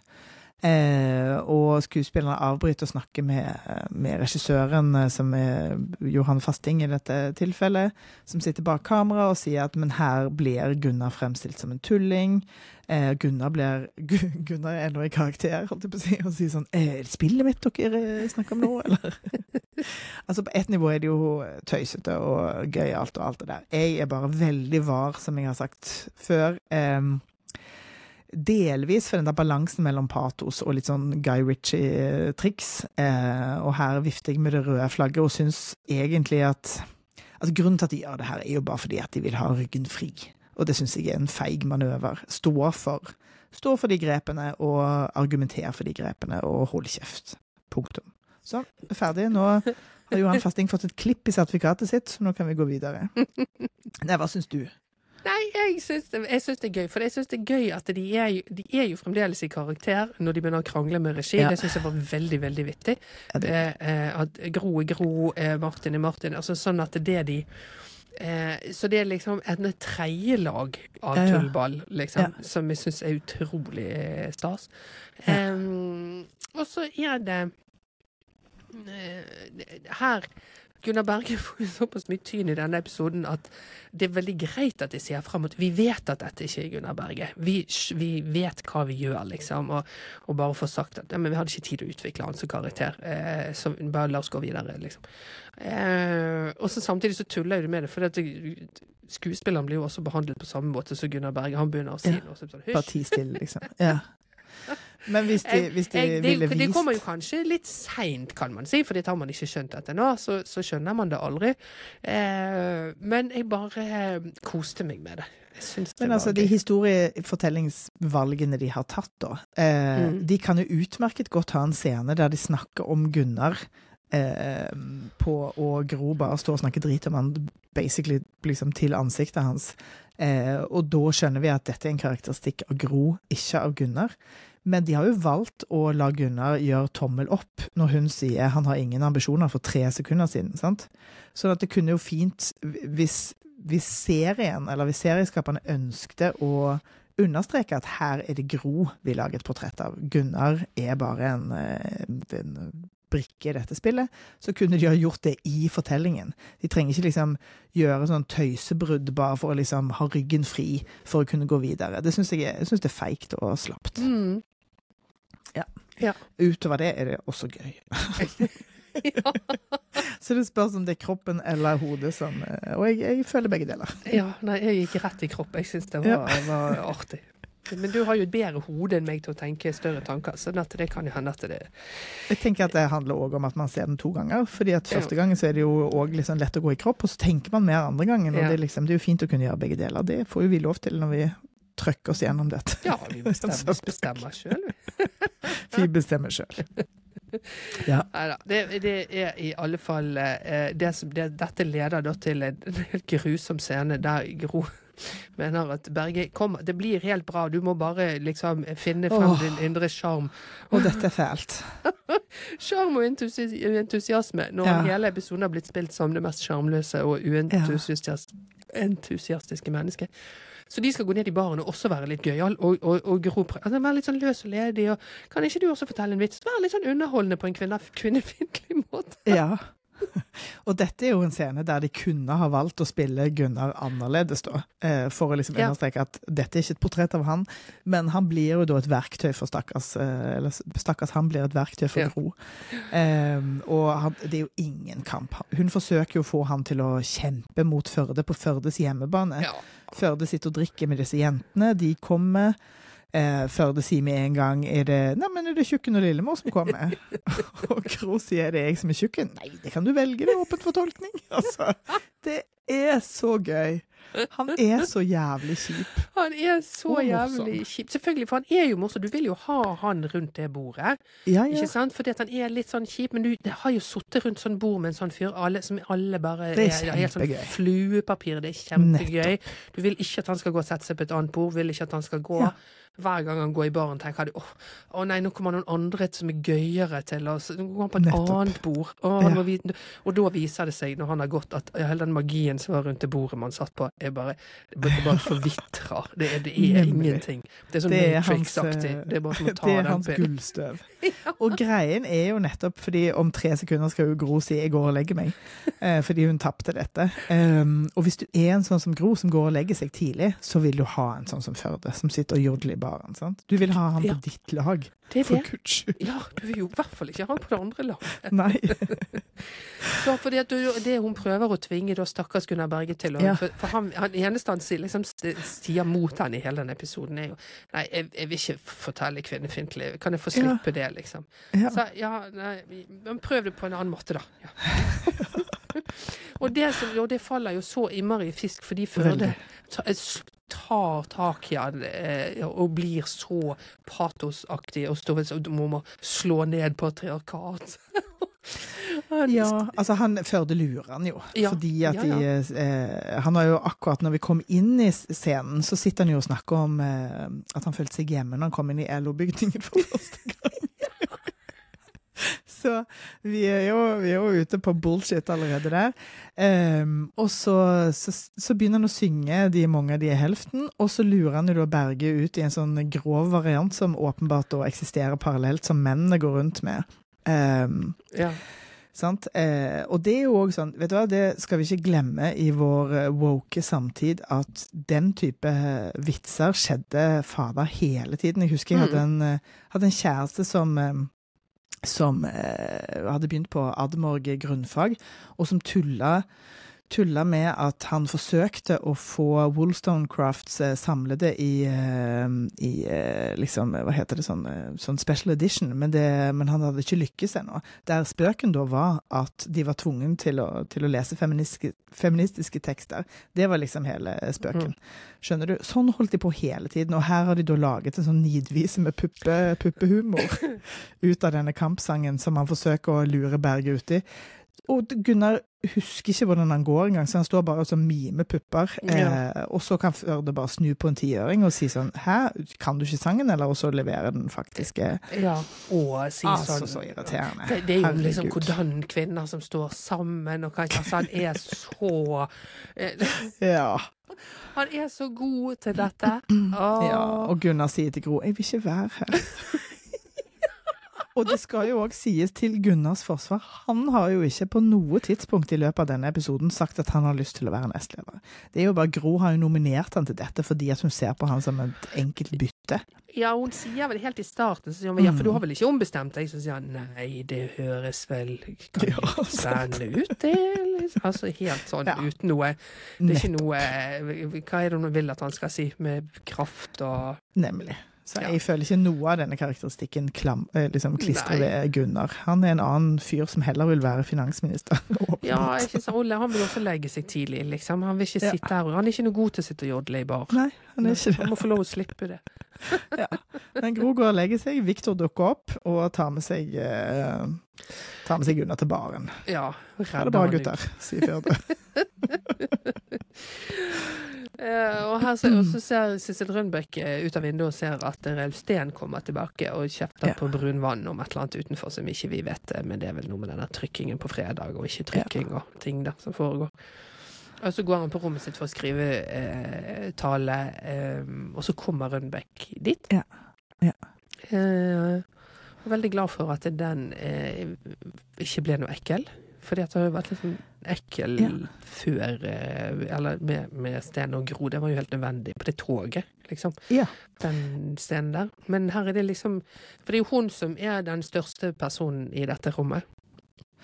Jeg opplever det òg som et, eh, det et grep eh, fra hennes side, sånn som det fremstilles her. Men jeg er helt enig med deg, jeg vil bare si det først, at det, det handler jo ikke nødvendigvis om eh, om at, at det var noe mellom de, men det er veldig deilig at det går an på film og TV å fremstille en samtale i et lukket rom mellom menn og kvinner Mm. uten at det skal handle om sex. Ja. Så det var liksom i seg sjøl bare veldig Det kunne jo vært en korridor eller hva som helst. Ja, det var Men her er det jo et poeng at det er på hans rom. Ja, og spesielt siden det også tidligere har eh, vært denne her eh, eh, At Grov liksom var veldig Ville ikke fortelle før det rommet til eh, Rønbeck, liksom. At eh, den tanken er jo plantet der. Ja. At det å være alene på et rom er farlig. Sikkert uansett hvem det er med, antagelig. Ja. Men um, hun er jo der Det er jo både som kvinnefraksjon og også er AUF, eh, og den, han har jo hatt den tryggheten på at de er på hans side. Og hun sier jo ikke at hun ikke er det, men hun prøver jo å få han sjøl til å liksom innse at Men det er jo Det er over. Liksom. Og det gjør hun på så mesterlig vis. Ja. Hun, har, altså hun er jo ikke noe trussel mot han så klart, fordi hun er yngre. Eh, det er jo klart at for alle de kvinnetriksene som, eh, som ofte kan brukes, eh, de slutter jo å virke idet man blir en trussel. Mm. Mens her er jo hun som ung, eh, eh, veldig mild kvinne. Hun kan bruke alle de der Hun speiler han, hun liksom leder han videre. Å ja, så du Å, eh, du snakker om Gro, du snakker ikke om deg. Du skal ikke være formann lenger. Mm. Eh, så jeg mener, at, jeg mener ikke at hun ikke mener det hun sier, men jeg mener at eh, hun er både hva skal man si, en støttende karakter og en, en maktspiller samtidig. Og det syns Ja. jeg er ganske gøy her. Um, fordi hun har jo nettopp stått og ja, hun har nettopp stått og snakket med Jagland, som sier åh, skjønner han ikke at det er over? Eh, og så guider hun han egentlig i den eh, retningen her. Og så Mm. aner vi jo ikke, for jeg har i hvert fall ikke lest så mange biografier, eh, kanskje du vet mer, om, om hun var en brikke i dette spillet. Kanskje han har kreditert henne med det i, i en av sine Nei, det vet jeg ikke. Eh, men jeg er ikke ferdig studert på alle biografiene. Så jeg vet liksom lite om hennes rolle her, men jeg tipper Ja. det sikkert er ganske sånn eh, Ja. Det, vi, vi, vi tror at eh, altså Om hun hadde den om, Jo, han snakket vel med Rønbeck, for han sier jo det seinere i denne samtalen med eh, Engen, som vi kommer tilbake til, Ja, Ja, ja, at han snakket med Sissel. Og det er jo en ekte samtale dette er klippet fra. Ja, så eh, Engen, liksom. Så, ja, så Er vi sikre har- på det, at det er ord for ord fra en ekte samtale? Ja, den samtalen prøvde jeg å finne tilbake til, med den i, Ah, for det er er i den Edderkoppen-boken. Ja, jeg har ikke kommet så langt. Så klarte ja. ikke å finne det igjen. Shout-out til folk som lager lydbok. Kan dere drive med register, liksom? Det bare å begynne på Ja. sånn kapittel sju. Litt sånn formålsløst for å finne noe. Nei, Ja, det var, det metadata var kanskje ikke så utviklet på, på den tiden. Nei, det er det. Men den lydboken er jo laget ganske nylig, må Ja. være. Kunne, kunne lagt inn. Ja. I alle fall. Fant ikke tilbake til det. Så det vil jeg tro. Eh, men hun er veldig fin. Og så slutter jo det så fint eh, med at hun sier Men vi kommer til å huske hvem du er og har vært, og kom til Utøya i sommer. Og han sier ja, jeg trengte å ta med Ines, og hun har ikke vært der før. Og så feider bare den samtalen ut, og det er ganske fint. Og vi vet jo, for det leste jeg i den Morten Ståle Nilsen-anmeldelsen, at det kommer en episode der han er på Utøya. ja, det er neste. Ja. Mm. Er det neste? ja, og da skal han liksom få litt sånn eh, Skal få litt revansj, eh, skrev Nilsen der. Så jeg gleder meg til den episoden. Ja, ikke sant? Og når jeg oppdaget det, så så jeg òg på listen over episoder at det slutter med Denne sesongen slutter med at de taper valget. Så vi kommer ikke engang til neste. Nei, tenk det. Ja. Så det, det er liksom Teller på knappen om jeg ønsker meg en sesong til.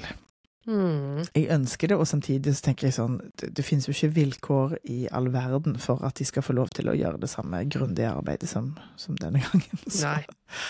så det Men kanskje vi bare skal leve i uh, Ja, at det er skal det. ja, lite magiske pustehull pustehull i eh, ikke åtte sesonger, eh, liksom. Kanskje det. Kanskje det.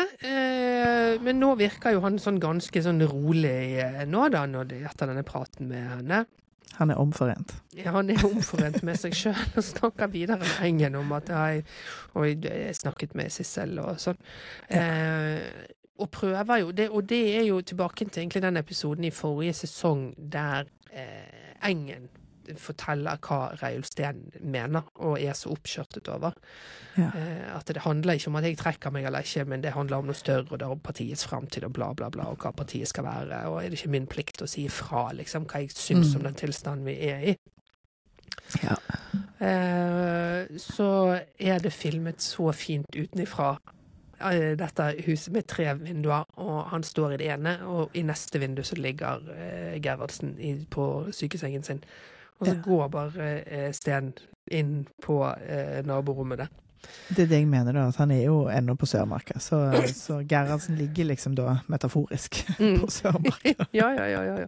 Og det Han går inn i det rommet for å finne ordene. Ja. Ja, for han bare går inn der og så ser på han, og så går han tilbake og fortsetter å skrive tale. Ja. Eh, og mens han skriver den talen, så går vi over i å høre ordentlig Reiulf Steen sin stemme Ja. holde den talen. Så dette ble jeg så rørt av. Jeg syns det var så fint. Det var veldig fint å se. Ja. Det gøye med denne Fordi at den talen som han da holder, den tar jo òg litt opp det der som eh, Arne Olav tøyste med hjemme hos eh, om Ja. at de er et AS i familien. Ja. det var jo en god liten eh, frempeik til dette. Mm.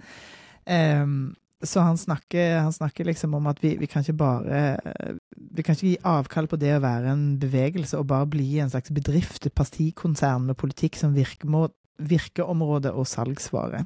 Nei. Sånn kan vi ikke ha det, sier han. Nei, og, Og der vi skal skal bare være at et, Hele poenget med partiet er bare å få flere markedsandeler Nettopp. enn de andre firmaene i politikken. Hva er Ja. vitsen med det, liksom? Ja. Mm.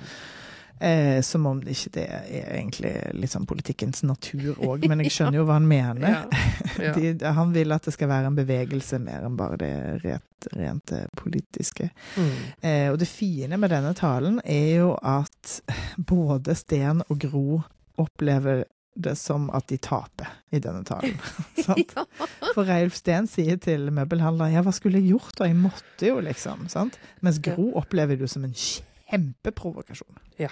For han sier jo at han trekker seg, men, men Ja. fordi at han sier liksom til det beste for partiet, og, Ja. og sånn, så føler hun at eh, det er et spark på leggen til henne. Ja. Hun er så rasende etterpå. Der. er Hun går frem og tilbake utenfor der. Og Ja. stakkars Martin etter hvert klarer å få henne ned og si sånn Men Gro, det er over. Ja, du skal ikke jobbe mer lenger. Nei. Men nå har hun jo fått Førde isteden. ja, men det Så viser jo seg allerede nå å være et genialt trekk. absolutt. Førde kommer dansende forbi og driver liksom og eh, jazzer litt med Nei, skal vi ikke bytte ut formann med partileder? Fordi at som opportunist så er han jo også ganske nyttig. Med liksom fingeren på pulsen, selv om hun forakter han. Så han er, han er gira på dette, han. Han er jo det, og så får han jo altså Fordi at Martin har jo her eh, før, før det dukket opp, sagt til henne at eh, det jeg syns du skal gjøre nå, er at du skal være et større menneske enn han. Du skal Mm. i avslutningstalen så skal du takke han av. Og vær stor på det. Gi han, gi han honnør. Ja, Eh, det er som hun eneste man kan gjøre. Ja, men hun hadde jo ikke tenkt den tanken, så hun trenger jo hjelp til å tenke. For hun er jo så forbitret. Ja. Martin er god. Ja. Martin er god. Så de skal begynne å skrive denne talen. De har ingenting. Og så sier Førde Du, du er jo ganske god med sånne taler. Og før du vet jo at han er god på taler. Så ja, det kan jo du, sier litt. Så han blir med for å hjelpe å skrive denne talen, som jo nå begynner å liksom ta form. Eh, til sluttreplikken, for hun skal slutte med Til kampkamerater. Til Som er jo De vanskelig. det. Er vanskelig å si, men det er jo, som Martin påpeker, ja, men er det ikke fint å liksom stå i tradisjonen? Og det er selvfølgelig. Martin Tranmæl eh, som står utenfor der og hvisker om det. Altså, de må det øve. ja, de må øve. Men det fryktelige i denne scenen er at grunnen til at det er vanskelig å si, er at hun ikke mener det. Nei da, Det er jo det Førde sier. det. sant? Ja. Kjenner du det med kroppen? Du må liksom Mm. Han forsøker å lede henne inn i det. Og det, denne scenen er jo kjempemorsom på veldig mange måter. De går ut, de står ved siden av Tranmæl-statuen. Han får henne til å si det på trøndersk. Ja, han, hun skal ha med hånda opp. Altså eh, Det er jo selve workshopen i seg sjøl er veldig morsom å se på, men så er det jo også veldig gøy at når vi helt til slutt får høre Gro si setningen, så er den jo ikke veldig oppildnet Nei, nei, nei, nei, nei, på Så ingen som helst liksom måte. Nei. Så det blir jo også kuttet. ser- midt i Hun får ikke sagt kamerater. Nei. nei. Men så hørte jeg dette eh, Jeg hørte dette klippet på, på eh, seriesnakk med selve kamerater òg. Det er altså så dårlig levert at du vil ikke tro det. Det, det, det hadde mistet absolutt all mening. Så det, det er verdt Ja. å høre på bare for å få med den. Nettopp. Mm. Så seriesnakker snakker de kommer før oss nå, det er jo Ja, veldig det var veldig irriterende. Men det er fordi de også jobber i NRK, så de har jo fått se episodene er for lenge siden. De gjør sant? jo dette på jobben sin. Ja, ja. ja, det er det. De sitter ikke og ser på TV-en som andre folk. Nei. Nei. Så det får vi bare stå i at de Nei, var før oss her. Ja. Ja. Uh, men det som er jo fint her, er jo nettopp denne her uh, overgangen mellom det at de øver og den talen, og så går det over i Gro sin tale. Og, Ja. og, og Reelsten som i forakt snakker med Engen om at altså, alt var innstudert, og det er så kynisk, og hver tåre De hadde øvd på hvor tårene skulle komme. Dette Ja. husker jeg nemlig fra det, fra det opptaket eh, i den eh, Edderkoppen-boken. Ja, Hvor så rasende han er. Og spesielt over det at det var planlagt inn tårer. Kalkulert. Ja, kalkulerte tårer. Mm. Ja, og her, da, da er jo serieskaperne helt på Reilstens eh, lag, eh, i Mm. den fortolkningen i hvert fall. Fordi vi ser jo da at de, de øver og øver, og Førde sier sånn, kan du legge noen tårer? Nei, det, Ja. det kan jeg jo ikke presse frem, men prøv da. Eh, og det er selvfølgelig òg en, eh, en eh, Og det klippet påstand om virkeligheten. Av Ja. Så går hun jo i tårer i den talen. Og det, Ja. hun gjorde jo det liksom såpass ofte at det liksom Hvis man bare hadde sett det rett av uten å fått det inn i den konteksten, så hadde man jo sikkert ja, det er typisk Gro, liksom. Men når Mm. man vet eh, liksom hvor mye eh, eh, Altså ja, De har i hvert fall valgt å ta Sten sine ord for dette. For hvorfor om han vet at det var øvd på tårer, eller om det var bare hans tolkning og hat mot henne som gjorde det sånn. Ja, men jeg, jeg vil påstå at de har, de har valgt på flere måter, fordi at det Når de står ute der og øver med Tranmæl-statuen, og Gro er litt sånn Ja, ja, men det med den hånden, det gir jo også noe, liksom. Og så prøver hun litt å, å holde på med det. Så, så blir man jo også påminnet om den her litt awkward eh, internasjonale fremføringen i starten, der hun liksom tar hånden til denne forsangeren, Ja. som jo ikke ser ut som en sånn veldig lettbegeistra type. Og Nei, liksom men, det er, men det er jo så nøyaktig som det som du sa i sted. Hun mener ikke dette. Dette er så fremmed for henne. Ja. Uh, og når Førde prøver å oppbilde den med en sånn her Tenk, det har vært streik, fire uker, barna er sultne. Dette er veldig fremmed, langt fra Gros liv. Det er sant? veldig langt fra hennes liv. Sånn at man kan si at der du liksom Du lukter sekt og tenker 'det vil ikke jeg ha noe med å gjøre', så lukter Gro sekt og tenker 'disse folkene kan jeg manipulere'. det er min tolkning av, av deg versus Gro. Ja, eller 'dette kan jeg fikse'. Kanskje Mm. mer enn å manipulere. Ja. Ja. Dette, Ja. Dette, dette, men dette er jo liksom for dumt, så det, det må vi jo få slutt på. Ja. Det er veldig pragmatiske der. Ja.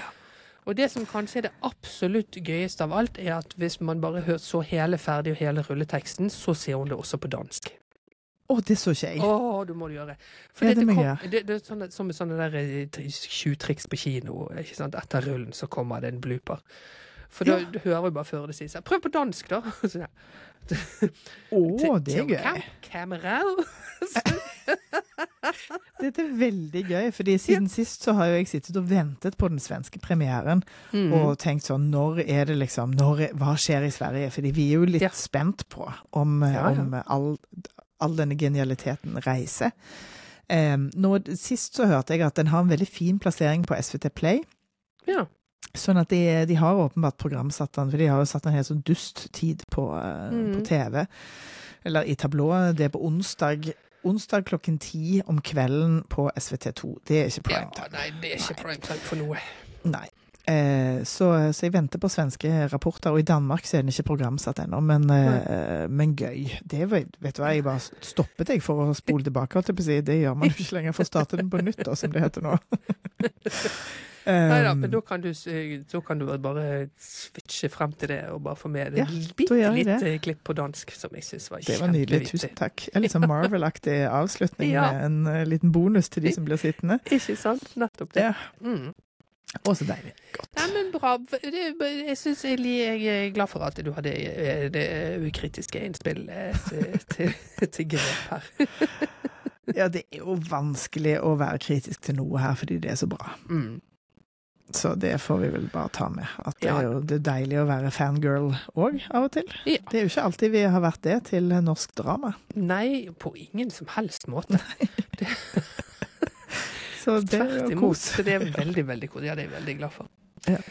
Nei, men da er det vel bare å glede seg til neste uke, da. Jeg er veldig Vi spent på den uh, Utøya-episoden som jeg jo leste i samme anmeldelse, at uh, Reilsten får holde tale i 15 minutter TV-tid. Rett av. Så det blir spennende hvordan vi skal For det, det vet jeg ikke hvordan vi skal snakke om. vi kan jo ikke drive og sitere en hel tale. Nei, men det blir jo spennende som grep, liksom. Oi, hvordan har de løst det? Ja, det er det. Ja. For det er jo helt, eh, som han skrev, det er jo helt uhørt. Liksom. Ja. ja, ja. Nei, men de har jo gjort så mange ting som er helt Mm. uhørte her, at man får bare anta at de takler det på en god måte. ja. Nei, Men da, blir det patos igjen, da. Da får jeg, Ja. da får jeg det jeg ønsker ja, meg. ja, ja, ja. jeg tror det er veldig mye patos og, og naive, idealistiske ungdommer. Og, ja. og Utøya jo, treffer jo liksom på et sånn vondt sted. Ja, det får man si. Ja, nei da, men det var episode åtte, da, Cecilie. Ja, da skal det være noe annet gøy på denne søndagsaften. Nei, jeg tenkte jeg skulle Jeg har jo hatt bursdag. Jeg hadde bursdag på fredag. Eh, og så fikk jeg eh, Ja, takk, takk. Eh, så fikk jeg sånn voksen-lego eh, Ja. som jeg tenkte jeg skulle begynne på. Ja. Sånne, har du sett det? Sånne blomster. Det er 18 18-årsgrense på det, holdt jeg på å si. Ja, ja. Jeg, Som jeg måtte si til nevøen min. Ja, ja Så man kan liksom pusle. Mm. Mm. Jeg fikk eh, Lego til jul, jeg. Ja. Eh, vi er en Lego-familie, så det er Lego til voksne og barn i alle varianter. Jeg har puslet eh, eh, eh, et eh, sånn 100-årsjubileums Disney-aktig svært kamera med Walt Disney og Mickey Mouse og noe Ja. greier. Så det var det er forbausende gøy å holde på med Lego. Det er veldig gøy. Og dette er jo da eh, Har du sett det? At man kan lage blomster Ja da. av Lego? Det Ja, nettopp. Ja, da forstår du hva jeg mener. Ja. Så det, gleder, det tenkte jeg skulle holde på med litt. Og så må jeg rydde litt. Igjen. Har jeg ennå ikke funnet det garnet. Så en herlig føljetong.